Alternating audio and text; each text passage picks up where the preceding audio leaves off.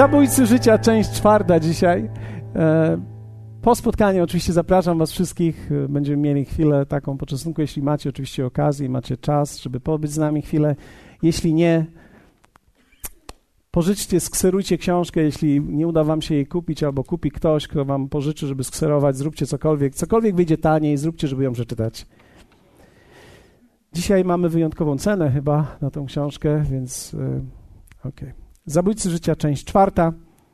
I wiecie, e, kto z Was pamięta, o czym mówiliśmy przez ostatnie trzy tygodnie? Ja wiem, że to jest długo. Kto z Was słyszał wszystkie trzy kazania o zabójcach? Jest kilka osób, niesamowite. Wiecie, kiedy mówiliśmy o zabójcach, mówiliśmy o nieuzdrowionych zranieniach. Mówiliśmy o tym, że często człowiek, kiedy nie jest uzdrowiony w procesie swojego życia, tak naprawdę to wpływa później na całe jego życie.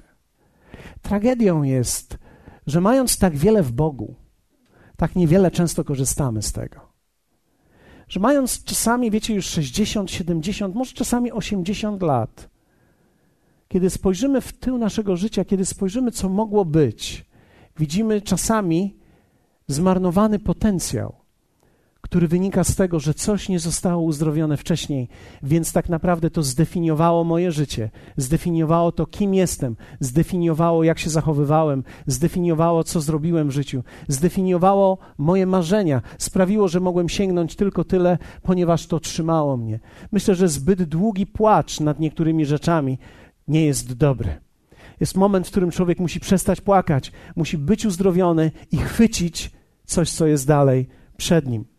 Mówiliśmy również o nieprzemienionym charakterze, albo raczej nieprzemienianym, bo ja nie wiem jak wy, ale każdego dnia zderzam się z tym, że mój charakter ciągle wymaga przemiany. I to, że pracuję nad nim, to, to jest dobre dla mojej żony również, nie tylko dla mnie, ale dobre również dla niej, ponieważ to utrzymuje też nas razem. Nie ma nic trudniejszego jak człowiek, z którym się jest, który ma postawę do życia taką, taki już jestem, chcesz mnie lub nie. No nikt nie chce odrzucić nikogo, ale my chcemy, żeby ludzie, którzy są z nami, dostrzegali swoje słabości i pracowali nad nimi, żeby coś wzięli od Boga, żeby jednak pracowali nad swoim charakterem i zobaczyli, że tak naprawdę Boży charakter to jest coś, co jest darem naszym dla Boga. Dary i życie jest od Boga ale tak naprawdę przemieniany przez nas charakter to jest dar, który my niesiemy dla Niego i dla innych ludzi. Bez przemienianego charakteru nie jesteśmy tak naprawdę w stanie rosnąć i nie jesteśmy w stanie pomóc innym ludziom, gdyż egocentryzm nas zniszczy. Sprawi, że ludzie będą się odsuwać od nas, dlatego że nieprzemieniany charakter to jest jak kolce, albo może jak takie czujki w minach człowiek stara się omijać daną osobę, bo nie wiesz, co powiedzieć, dlatego że za każdym razem, jak próbowałeś coś powiedzieć, to następował wybuch. Problem jest tylko taki, że to nie jest mina, która wybucha raz, tylko to jest mina, która wybucha częściej i to coraz mocniej. Więc wierzę w to, że Bóg pragnie przyjść do naszego życia, aby sprawić, że my poodcinamy te czujki i nie tyle, że będziemy takimi, których można popchnąć i uderzyć za każdym razem, ale nie będziemy nadwrażliwi. Będziemy wrażliwi, ale nie będziemy nadwrażliwi. Będziemy łagodni względem innych ludzi. Myślę, że tak buduje się również Kościół. Myślę, że wiele kościołów dzisiaj jest małych nie dlatego, że są złe, tylko dlatego, że nie dojrzewamy wystarczająco szybko, że zbyt często się dzielimy, że zbyt często pijemy zbyt mało kawy razem, Zbyt mało herbat, zbyt mało wody, zbyt mało rozmawiamy. Tak samo też małżeństwa. Zbyt mało czasami rozmawiają. Ktoś może powiedzieć, ileż można rozmawiać? Do skutku. Do skutku. Do skutku. Wiecie, jest jedno słowo, które Bóg powiedział w swoim słowie. Powiedział: Nie opuszczę cię i cię nie zostawię. Czasami to brzmi jak wielka zachęta, a czasami to brzmi jak prześladowanie. Czasami to brzmi cudownie, że będziesz ze mną. A czasami to brzmi, ja cię nigdy nie puszczę i cię nigdy nie zostawię. Jak będziesz uciekał, to ja cię będę gonił. Jak będziesz próbował się schować, to ja cię znajdę. Będę z tobą. Czasami będę z Tobą, a czasami będę z Tobą. I myślę, że to jest niesamowite w Bogu, że On z nas nie rezygnuje. I ten Boży charakter w nas to jest taki, taki rodzaj życia, że my nie chcemy zrezygnować z nikogo. My nie chcemy rezygnować z ludzi. Chcemy, aby ludzie się zmieniali. Chcemy, aby ludzie podążali razem z nami, żebyśmy mieli wspólną, niesamowitą podróż życia. Wiecie, moje marzenie jest takie, abyśmy w przyszłości tysiącami mogli kroczyć do tego miejsca.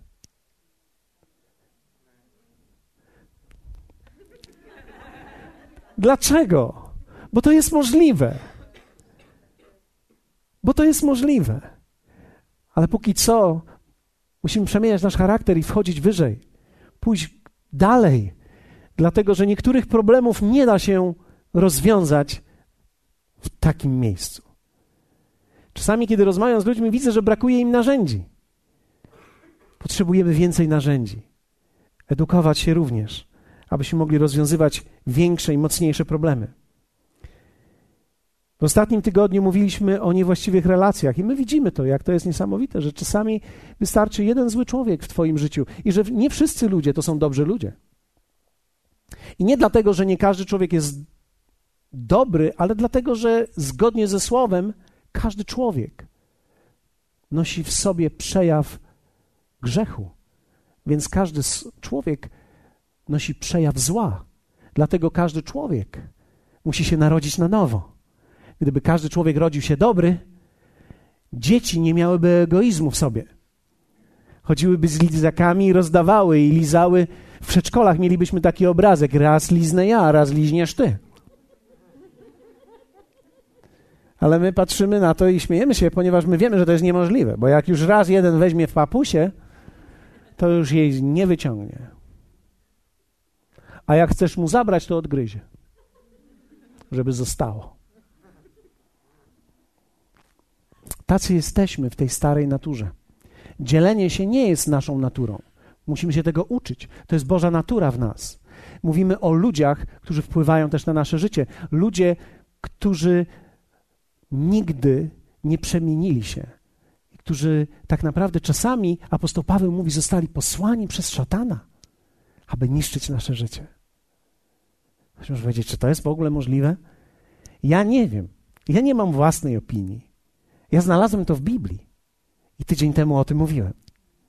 Wiecie, ja już jestem w takim wieku, gdzie zbadałem opinie swoje i one nie za bardzo działają. Więc postanowiłem mojego życia nie budować na moich własnych opiniach, ale na Jego słowie, bo Jego słowo działa zawsze. Kluczowym naszym fragmentem był fragment z Ewangelii Mateusza. Podobne jest Królestwo Niebios do człowieka, który posiał dobre nasienie na swojej roli. I my wiemy, co się stało później. On posiał dobre nasienie, ale zły przyszedł i posiał złe.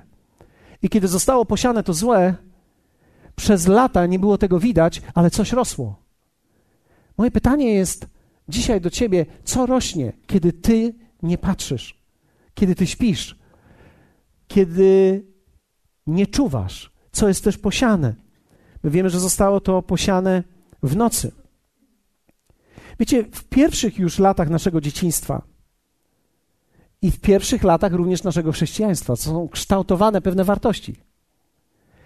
To jest ciekawe, ale człowiek, który się włączy w jakiś kościół, DNA tego kościoła wchodzi w niego. Kultura tego kościoła wchodzi w niego. Pamiętam, ja się nawróciłem we wspólnocie charyzmatycznej. Na oazie. Święty Franciszek biegnie za mną do dzisiaj. Nie wiem, czy on za mną, czy ja za nim, ale coś wspólnotowego jest we mnie. Jest jakiś rodzaj DNA, który został we mnie włożony. Dzisiaj nie jestem już w tej samej wspólnocie. Życie poszło dalej, ale to DNA jest we mnie. I to nie jest zło, ponieważ wierzę w to, że jest wiele też dobrych cech, które są włożone w nas. Ale może być też również wiele niewłaściwych cech w nas włożonych. Zarówno dobre, jak i te złe. Uczymy się już za młodu, co jest wartością i co jest nagrodą. Na przykład w kościele. Ostatnio usłyszałem, jak ktoś mówi: że wiele lat myślałem, że główną wartością jest uwielbienie. Ale zobaczyłem, że tak naprawdę do kościoła można przyjść ze względu również na słowo.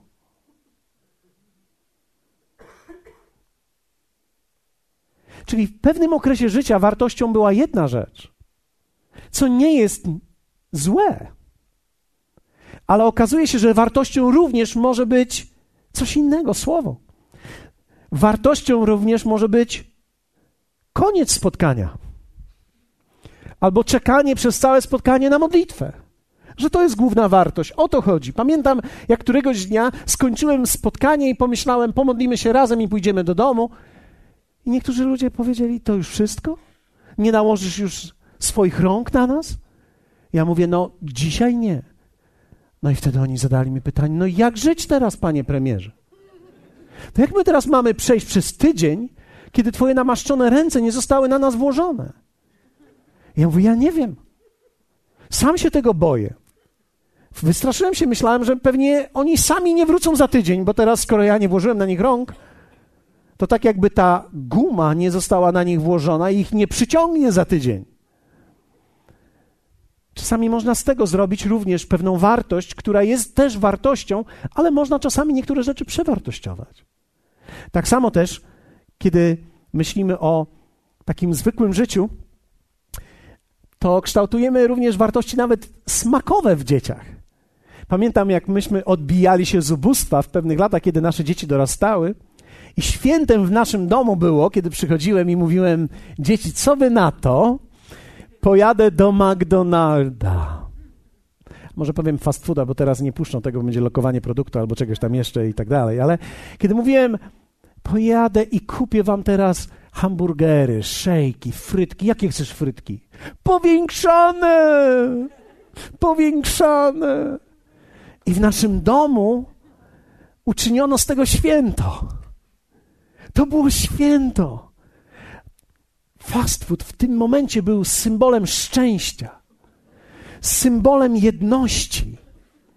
To był symbol radości, wolności. To oznaczało również w tamtym czasie dla nas życie z klasą. Tata wraca do domu. Papiery, mnóstwo papieru. Ale wiecie, o to chodzi, żeby się tak napracować przy rozpakowywaniu. I później znajdujesz. Ale jesteś tak szczęśliwy, że nie jesteś porażony wielkością tego, co zobaczyłeś. A te powiększone frytki nie wiesz dlaczego, nie wyglądają na powiększone, ale wierzysz w to, że są powiększone. To żyjesz z klasą, jesteś wolny. I wykształtowaliśmy pewnego rodzaju smak. Poczucie szczęścia z danym smakiem wytworzyło wartość w naszych dzieciach. Także do dzisiaj mają problemy. Do dzisiaj mają problemy w pewnym sensie wytworzono wartość wtedy. Jak ja żałuję, że ja nie zrobiłem z tego, słuchajcie, tatuś pójdzie i narwie szczawiu. O, tatuś pójdzie, narwiesz sałaty, poleje oliwką i dla koloru wrzucę pół papryki czerwonej. I to będzie takie kolorowe i będziemy się bawić i rzucać tą sałatą i na końcu ją zjemy. Moje dzieci byłyby dzisiaj bezproblemowe. Uważałyby za symbol szczęścia, gdyby weszły do sklepu, patrzyłyby tylko, gdzie jest sałata, gdzie jest papryka. A tak przechodzą obok chipsów. I teraz całe niebo musi być skoncentrowane na tym, bo one teraz gromią tam diabła. W imieniu Jezusa nie kupię cię, nie kupię. W końcu nie kupię trzech paczek. I stoją przed tym i mówią: Nie będziesz mnie kusił, ale patrzą z cebulką. Żeberka pieczone. O. I tak przechodzą. Wiecie, to, to, jest, to jest pewne poczucie, pewien smak, wykształtowane coś, kiedy byliśmy młodzi. I dzisiaj powiemy sobie o czymś, co jest związane tak naprawdę z naszym wczesnym życiem, co mogło być włożone w nas i również może stać się częścią naszego DNA chrześcijańskiego. Ale do tego potrzebujemy fragmentu z Ewangelii Łukasza z piątego rozdziału. Niesamowity tekst. Wiele można powiedzieć na ten temat. Chciałbym dzisiaj zwrócić uwagę Waszą na niektóre rzeczy. A wszedłszy do jednej z łodzi, Jezus, należącej do Szymona, prosił go, aby nieco odjechał od brzegu i usiadłszy, nauczał rzesze z łodzi. A gdy przestał mówić, rzekł do Szymona: Wyjedź na głębie. Słowo wyjedź tutaj to jest epanageo, które dokładnie oznacza wyprowadź łódź. Niektóre tłumaczenia mówią: wróć z powrotem tam, gdzie byłeś. Wyjedź na głębie i zarzućcie sieci swoje na połów. A odpowiadając, Szymon rzekł: Mistrzu, całą noc ciężko pracując, nic nie złowiliśmy, ale na słowo Twoje zarzucę sieci. A gdy to uczynili, zagarnęli wielkie mnóstwo ryb, tak iż się sieci rwały. Skinęli więc na towarzyszy w drugiej łodzi, aby im przyszli z pomocą i przybyli i napełnili obie łodzie, tak iż się zanurzały. Widząc to, Szymon Piotr przypadł do kolan Jezusa, mówiąc: Odejdź ode mnie, panie, bo jest człowiek grzeszny. Albowiem zdumienie ogarnęło jego i wszystkich, którzy z nim byli, z powodu połowu ryb, które zagarnęli. Także i Jakuba, i Jana, i synów Zebedeusza, którzy byli towarzyszami Szymona. Wtedy Jezus rzekł do Szymona: Nie bój się, od tej pory ludzi łowić będziesz. Dzisiaj powiemy o niebezpieczeństwie i o takim zabójcy, który może czasami nie jest zbytnio uchwytny od razu, którym jest płytkie życie. Niektórzy z nas nie żyli zbyt głębokim życiem i wartości w domu nie były wartościami głębokimi. Często w domach widzę, że nie zadawaliśmy sobie w ogóle głębokich pytań. Ludzie nie zadają sobie często głębokich pytań. Nie zadają pytań życiu.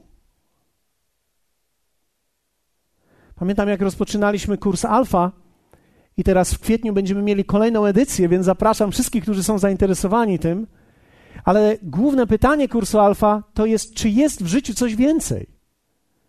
Wiecie, czasami patrzymy na takie pytanie, wydaje nam się trywialne, ale ono nie jest trywialne, ono jest niesamowite, ono jest mocne. Tylko, że wielu ludzi dzisiaj w domach nie zadaje w ogóle takich pytań. I nie tylko dzisiaj, ale przez lata nie zadawaliśmy być może głębokich pytań. Ani sobie, ani życiu, ani Bogu. Wielu dzisiaj nie żyje żadnym marzeniem, żadną ideą. Kiedy oglądamy programy w telewizji, to, co dzisiaj jest proponowane, to jest tak zwane życie chwilą. Chodzi o ten moment, o teraz. Liczy się dzisiaj. Z moją żoną w tym tygodniu oglądaliśmy program o tym, jak mężczyźni pracują przez kilka dni w tygodniu bardzo ciężko na kurzej fermie. I są zwykłymi robotnikami. Pracują po 10-12 godzin dziennie tylko po to, żeby doczekać do piątku i wydać wszystko prawie w piątek. I żeby zostało tylko tyle, żeby przeżyć do kolejnego piątku, do kolejnej wypłaty. Co od razu mówi, że to nie było w Polsce, ale my wiemy, że to w Polsce jest możliwe. Ale to jest dokładnie to, w jaki sposób dzisiaj, szczególnie młodzi ludzie, być może nawet w naszym pokoleniu tutaj, zaczynają żyć, żyć chwilą, żyć tym momentem, bo chodzi o to, żeby było fajnie. Chodzi o ten moment, chodzi o to, żebyś był teraz szczęśliwy. Ludzie zadają pytanie, co z tego będę miał dzisiaj? Albo czy jest mi dobrze? Bo przecież chodzi o to w życiu, żeby było dobrze. Chodzi o to, żeby mi było dobrze. Zaczynamy, wiecie, żyć pewnego rodzaju spłaszczonym życiem. Zaczynamy myśleć, że przecież w życiu chodzi o moje szczęście. Żebym ja był szczęśliwy. I mówimy jeszcze, że chodzi o to, żebym ja był szczęśliwy i żebym nie krzywdził nikogo. Czy to jest, my wiemy, że to jest niemożliwe. Jest niemożliwe, żeby dwóch ludzi się zeszło razem, żyło razem i żeby ob, ob, obie strony chciały być szczęśliwe i żeby się nie skrzywdziły razem. Pierwszą rzecz, którą robią dwie strony, gdy się schodzą razem, to się krzywdzą. Oczywiście po miodowym miesiącu. Ale kto z Was doznał krzywd w swoim związku? Jedną można podnieść, dwie nie. Wiem, że Łukasz podnosi dwie. Kto skrzywdził związku? To jest trudniej podnieść, ale to jest prawda. To jest prawda. Choćbym nie chciał, ale muszę podnieść tą rękę również. Wiecie, jednak życie zmusza nas do zadawania głębszych pytań. Często nie zadajemy tych głębszych pytań, gdy wszystko idzie bardzo dobrze. Ale wtedy powiedzenie niektórych, pamiętam, było: pożyj trochę dłużej. Ja wiem, że teraz jest dobrze, pożyj trochę dłużej. Dlatego, że życie to nie jest bankomat, w którym nie ma limitu. A tylko będę wyciągał, ale trafiłem, znam PIN, nie wiem czyja to karta, ale leci i leci. Leci i leci. Ale ja to mam szczęście. Ajajaj. W życiu jednak tak nie jest. Kiedy ten szczęśliwy związek, który masz, niszczy się. I nagle Twoje całe marzenia, Twoje całe nadzieje, wielki ślub, tyle życzeń, tyle łez. Gdzie to teraz? Wtedy zaczynamy zadawać sobie pytania. Wtedy oczywiście jest bardzo istotne, kto odpowiada nam na te pytanie. I oczywiście, że również istotne jest, jakie pytania zadajemy, ponieważ niektórzy ludzie w dalszym ciągu są na tej płyciźnie i zadają pytania tylko i wyłącznie oskarżające, typu: Gdzie byłeś, Boże?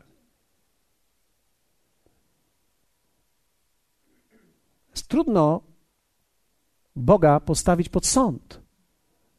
Znaczy, można pod warunkiem, i on będzie z Tobą nawet dyskutował, pod warunkiem, że będziesz otwarty na prawdziwe argumenty. Czyli jeśli chcesz uczciwej walki, on zawalczy z tobą. On się nigdy nie bał argumentów. Bóg nigdy się nie bał trudnych pytań. W Bogu i w Kościele nie chodzi o to, żeby było miło. Panie Jezu, nasze słonko, pobłogosław to jedzonko.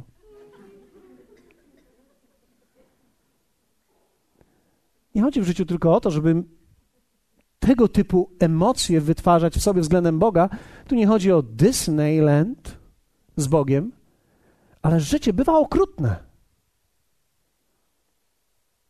Życie bywa trudne. I kiedy przychodzi już taki moment, kiedy człowiek troszkę już przeszedł, zaczynasz zadawać sobie pytania, i oczywiście ważne jest, jakie są to pytania, ale niektórzy ludzie wtedy, niektórzy, nie wszyscy, zaczynają zadawać poważne pytania Bogu, sobie i życiu. Zaczynają myśleć, o co chodzi w tym życiu. Po co ja jestem? Jaka jest moja rola? Co ja tu robię? Nie tu, w sensie wody życia teraz, albo przed ekranem, ale co ja w ogóle robię w życiu? Wiecie, zwróciłem uwagę na to, że płytkość jest lekko strawna, ale również nie zaspokaja na długo. Płytkość jest jak wata cukrowa. Człowiek ją je, je. Jak już w końcu zjesz trzy, że aż cię mdli, myślisz sobie, no coś bym zjadł. Z jednej strony cię coś mdli, a z drugiej strony, no coś bym zjadł. Ogóra jakiegoś albo coś. Zmień smak. Płytkość jest komfortem teraźniejszości wydając szybko walutę najcenniejszą, którą jest czas. Wiecie? Jedna z największych rzeczy, która nigdy nie powróci w życiu, to jest czas. Płytkość sprawia, że człowiek wydaje tą walutę bardzo szybko. Bo przecież chodzi o to, żeby było fajnie, no i jest fajnie. Kiedy jest fajnie, czas naprawdę szybko leci. Ale nie chodzi tylko, żeby było fajnie, chodzi o to, żeby było znacząco, żeby było ważne, żeby umieć połączyć te aspekty. Mamy dzisiaj 40-latków, którzy myślą, że może czas przestać się bawić. Ja myślę, że kiedy masz 40 lat, to warto już o tym pomyśleć. Pamiętam, któregoś dnia oglądałem wywiad z jednym z polskich aktorów, który właśnie się rozwiódł z wspaniałą kobietą. Ja nie wchodzę dlaczego i w szczegóły, ale pamiętam, jak on siedział w fotelu i cieszył się i mówi: Teraz moja nowa ma 22 lata. I mówi do redaktora: Ty wiesz co? Ona ma takie długie nogi. Ja myślę sobie, on miał wtedy 47 lat, więc rozumiem o czym mówi. Myślę sobie, że w życiu trzeba naprawdę zaopatrzyć się w coś więcej niż centymetr.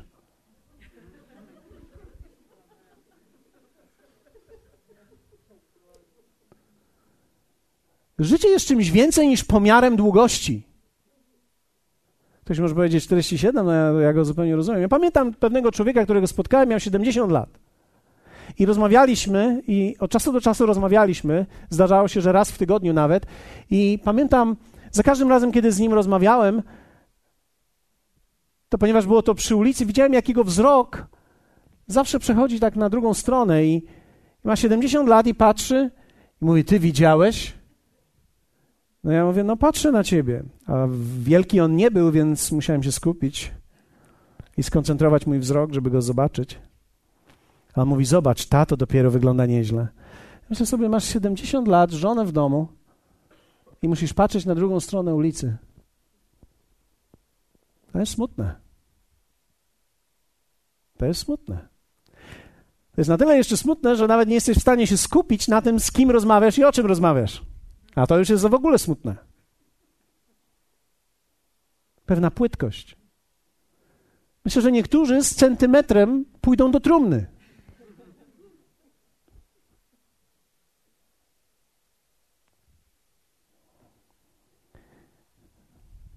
Wiecie, rzeczywistość jednak życia jest taka, że jeśli tylko będziemy myśleli o tym, jak się pobawić, jak będzie słodko i fajnie, i że przecież chodzi o to, żeby niedziela też była fajna. Pamiętam, jak jak nie, skracaliśmy nasze spotkania, skracaliśmy, żeby dla wszystkich było dobrze, ale pamiętam, że, że niektórzy mówią, no teraz to jest fajnie, bo przynajmniej niedzieli nie stracimy. Bo teraz możemy krótko, wpadniemy, wypadniemy i już mamy teraz cały dzień dla siebie. Dlaczego? No bo przecież o to w życiu chodzi, żeby przecież mieć, załatwić co ważne szybko. Najlepiej, żeby praca w ogóle trwała od 6.55 do 7. Albo może od 8.55, bo wtedy człowiek musi się wyspać. 8.55 do 9. Ach, to byłaby robota. I później od 9 masz wolny dzień. Ależ byłoby wspaniale. Człowiek miałby cały dzień dla siebie. I teraz idziesz do domu Bożego, masz nastawić się na słuchanie, masz przyjść do kościoła, patrzeć na zegarek. Ile, zastanawiasz, ile dzisiaj będzie punktów? Mój Boże, proszę Cię, żeby tylko nie było więcej niż trzy. A w zeszłym tygodniu miałem pięć. I ja zdaję sobie sprawę z tego, że dla niektórych ludzi to jest trauma, ale wiecie, to dlatego, że my myślimy o tym, jak ma być fajnie zaraz po. Ponieważ my musimy pojechać do swoich i zrobić tego kurczaka, bo przecież chodzi o kurczaka w życiu. Chodzi o mięso w zębach. o to poczucie, że później na tym fotelu siedzisz i masz wykałaczkę i o to chodzi, a później a później kawa i ciasto i tak się dopchasz i jest dobrze. No bo przecież jest dobrze. Jest dobrze, jest miękko, jest ciężar, jest, jest właściwy punkt odniesienia, jest właściwy kąt. Chodzi o to, żeby był właściwy kąt w życiu. W kościele są tak niewygodne krzesła. Dlatego ludzie lubią przychodzić na spotkania środowe, ponieważ tam mamy fotele, ramiona można oprzeć a tutaj ramiona opadają. No przecież to jest straszne. Te krzesła są bardzo niewygodne. Ja wam współczuję, naprawdę współczuję. Sam, gdybym przychodził do tego kościoła, pierwsze co bym zrobił, przyniósłbym sobie fotel stamtąd. Ale wiecie, Bóg nie uczynił nas takimi ludźmi. Bóg żadnego człowieka nie uczynił płytkim, On uczynił nas głębokimi. On wlał w nasze serca wieczność. On wlał w nasze serca myśli, które już nawet jako dzieci mamy. Czasami dzieci są niesamowicie błyskotliwe i zadają nieprawdopodobnie głębokie pytania, ale później w życiu, z powodu środowiska, w którym są, uczą się tak naprawdę tej płytkości. Ale dzieci zadają pytania: A kim będę? Strażakiem będę. Pielęgniarką będę. Dzieci zadają pytania. Później masz 20 lat i, i kim będę? Cokolwiek, aby tylko pieniądze były. Nie chodzi o moje marzenia, chodzi o walutę. Dlaczego? Bo, bo chodzi o to, żeby dojść do piątku i żeby w piątek wieczór wydać wszystko. Pamiętam, jak widziałem w tym programie, to było niesamowite. Faceci stali, rozłożyli tak ręce w samych slipkach i, i pani opalała ich taką maszyną opalającą, natryskowe opalanie. Dlaczego? Ponieważ tej jednej nocy w piątek muszą wyglądać jak milion złotych. I później nakładają koszulki. Takie wiecie, z lekkim torsem. Niektórzy lubią na sierściucha, niektórzy robią głęboką depilację. Nadczyściocha. Głębia nieprawdopodobna.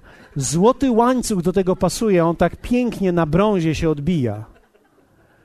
I później idziesz i wyciągasz walutę.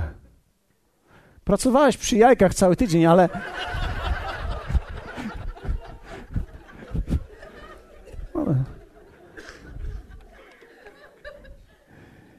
Ten program zrobiony był też, też tak celowo, że ta kobieta zadała pytanie: Czy widzicie w tym sens? Oni tak patrzą na siebie, we czwórkę byli. No. I ja miałem wrażenie, miałem wrażenie, że któryś z nich chciał powiedzieć, chyba nie. Ale no, że jest w grupie, no to trzeba z nimi, tak, tak. Super, super. Natryskowe opalanie. Za tydzień to zrobię, przyjdźcie zobaczyć. Zrobię sobie natryskowe opalanie, złoty łańcuch, pożyczę od kogoś i będę czad miał.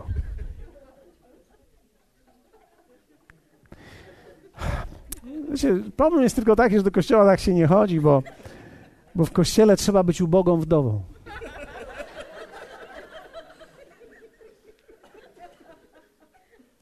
Bogatym młodzieńcem to watrium.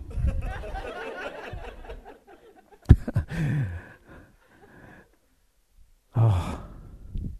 Bóg uczynił nas głębokimi. Żaden człowiek nie musi żyć płytko. Człowiek może chwilą sycić swoje ciało, ale w tym samym czasie może niszczyć swoją duszę. Jezus powiedział: Albowiem cóż pomoże człowiekowi, choćby cały świat pozyskał, a na duszy swojej szkodę poniósł? Albo co dla człowieka w zamian za duszę swoją? Co da człowiek w zamian za duszę swoją? Dwa tygodnie temu miałem okazję być na spotkaniu w Warszawie w sprawie telewizji.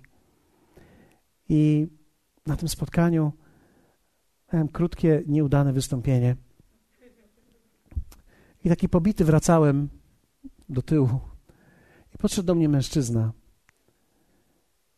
I zacząłem z nim rozmawiać. I on mówi: Wiesz, jestem jednym z najbogatszych ludzi w Polsce.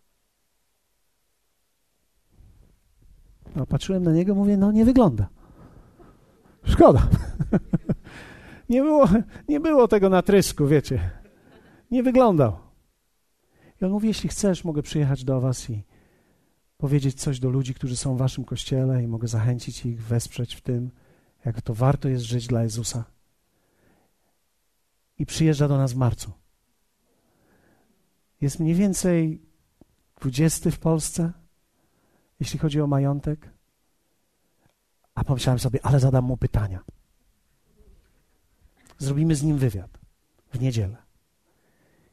I zapytam go, jeśli bogaty i bogatemu trudno jest wejść do Królestwa Bożego, to ty masz najmniejsze szanse z nas wszystkich.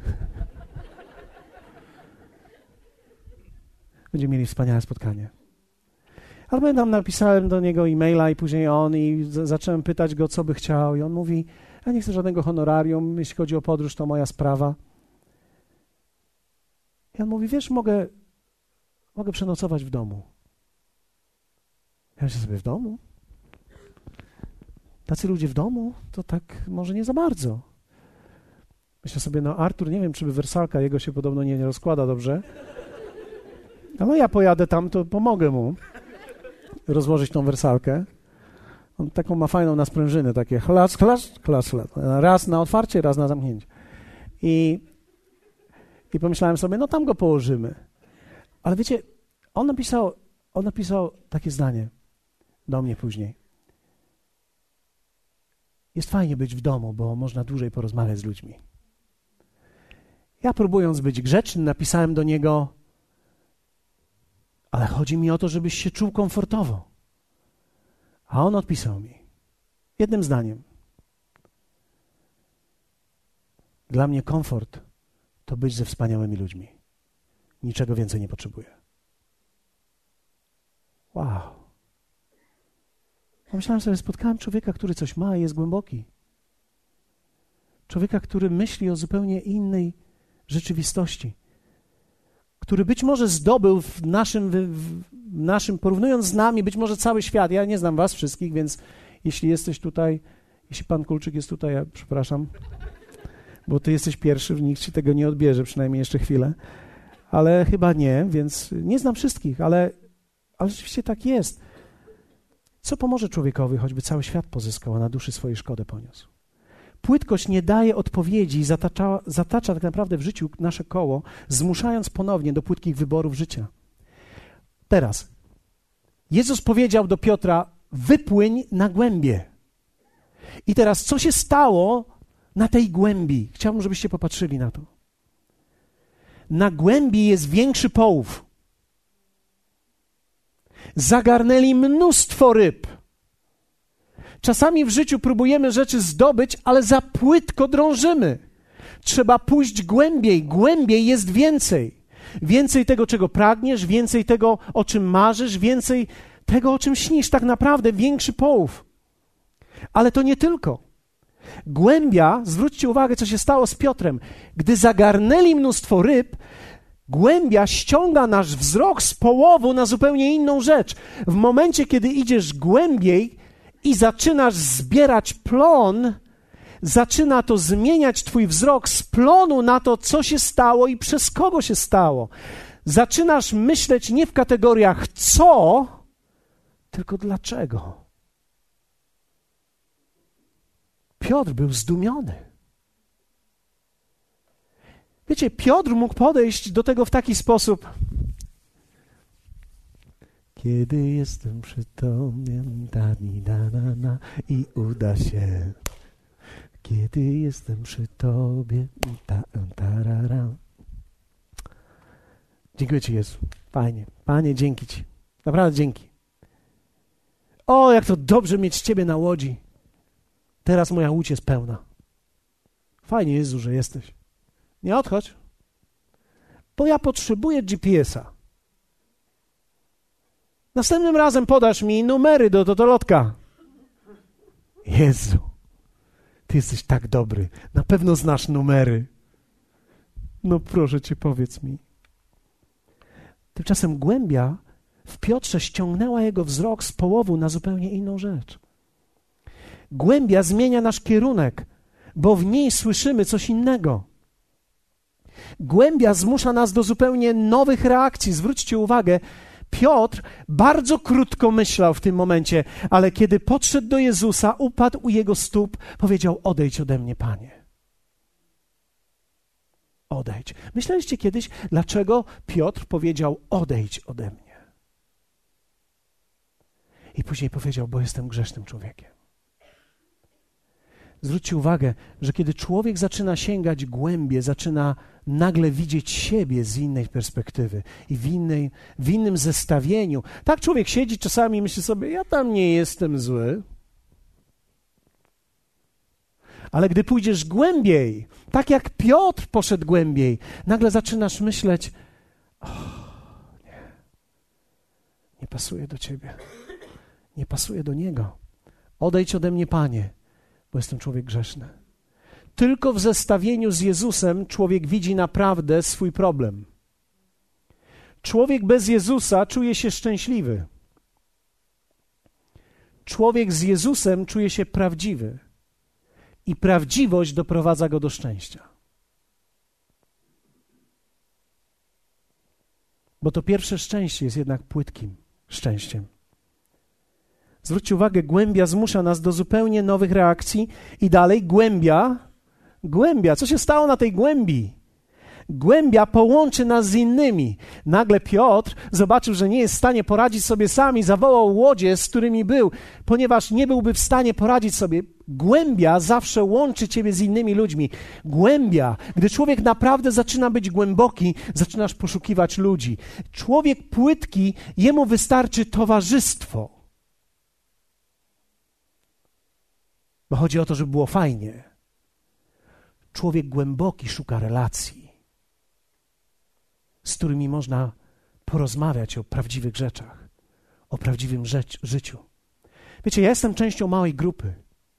I ja się cieszę, że w tej grupie, w której jesteśmy, wiecie, ci ludzie są normalni, są, są normalni ludzie tak jak ja. I mamy normalne problemy. A jednak cieszę się, że kiedy kończą się już paluszki, ciasto i będę z wami szczery, częściej jest coś więcej niż tylko to. Zaczynamy rozmawiać o głębokich rzeczach.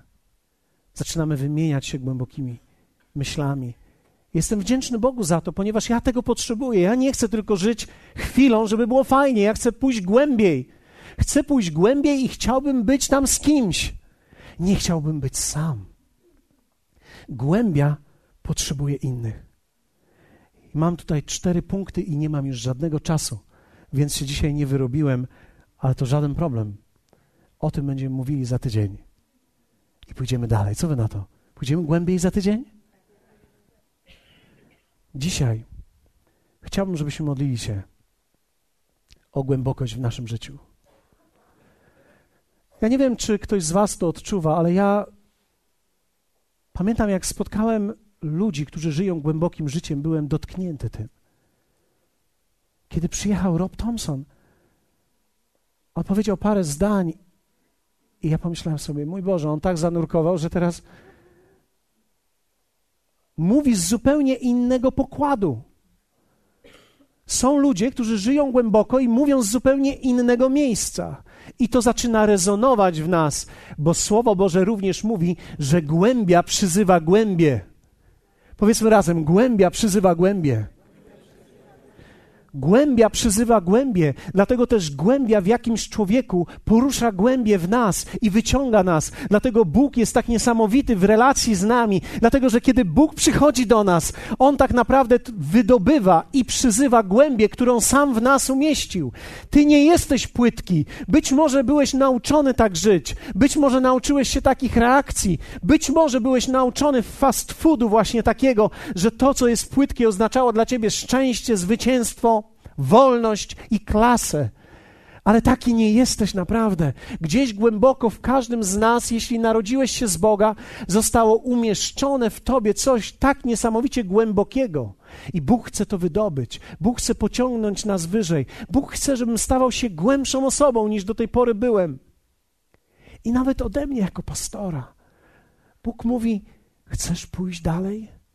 Musisz pójść głębiej. Podoba mi się, bo to słowo wyjedź na głębie oznacza również wróć z powrotem. To oznacza, że czasami człowiek był tam, tylko nie wiedział, co ma z tym zrobić. Nie miał specjalnie nadziei, że tam coś jest. Ale Jezus nadaje nam nadzieję. Także wróciłem tam i mogłem jeszcze raz zarzucić sieci. I wtedy mogłem zobaczyć zupełnie nowy świat. Nie te ryby, nie kalkulacje. To, co jest piękne po tym połowie, to jest to, że kiedy oni wyciągnęli te ryby na brzeg, Biblia mówi, że oni zostawili to wszystko i poszli za nim. Głębia sprawi, że Twój wzrok, Twój kierunek życia będzie zmieniony, bo tylko w głębi naprawdę poczujesz, kim jesteś, co robisz. Co ja tutaj robię? Na płytkim i w płytkim życiu człowiek tego nie wie, ale w głębokim tak. I o to dzisiaj będziemy się modlili. Powstańmy razem. Jeśli jesteś dzisiaj tutaj i czujesz, że to słowo miało dla ciebie jakieś znaczenie, I czujesz, że Bóg powołuje ciebie, abyś poszedł głębiej. Myślę, że są wśród nas osoby, które gdzieś wewnątrz odczuwają, że naprawdę potrzebują Jezusa. Potrzebujesz Boga. Nie chcę powiedzieć, że Twoje życie było złe, ale myślę, że wielu z nas czasami jest po ciężkiej pracy, po całonocnej pracy i nic nie złowiłeś. A Jezus dzisiaj mówi do ciebie: wypłyń na głębie. I jeśli słyszysz to wołanie, aby wypłynąć razem z Nim, dzisiaj jest moment, w którym możesz odpowiedzieć. Jezus będzie tam z Tobą i On będzie z Tobą na tej łodzi. Poproszę osoby tutaj do przodu, które będą dzisiaj modliły się o Was. Ja również będę modlił się. Jeśli oglądasz nas, i wiem, że wielu z nas dzisiaj ogląda, i chciałbyś modlić się o tą głębię w swoim życiu, chciałbyś pójść głębiej, chciałbyś wsiąść do tej łodzi i popłynąć razem z Nim. Być może dla niektórych oznacza wrócić. Wiecie, że najtrudniejsza rzecz czasami w życiu to nie jest zrobić coś nowego, ale czasami najtrudniejsza to jest zrobić coś albo być, czy wrócić tam, gdzie kiedyś byłem i nic mi to nie dało, ponieważ musimy zaufać, że tym razem będzie inaczej. Ktoś z Was może zadać pytanie, czy będzie inaczej. Odpowiadam zarówno do tych, którzy są tutaj, jak i do tych, którzy oglądają nas. Tak będzie inaczej. Pójdziesz głębiej i nauczysz się tam zupełnie nowych rzeczy.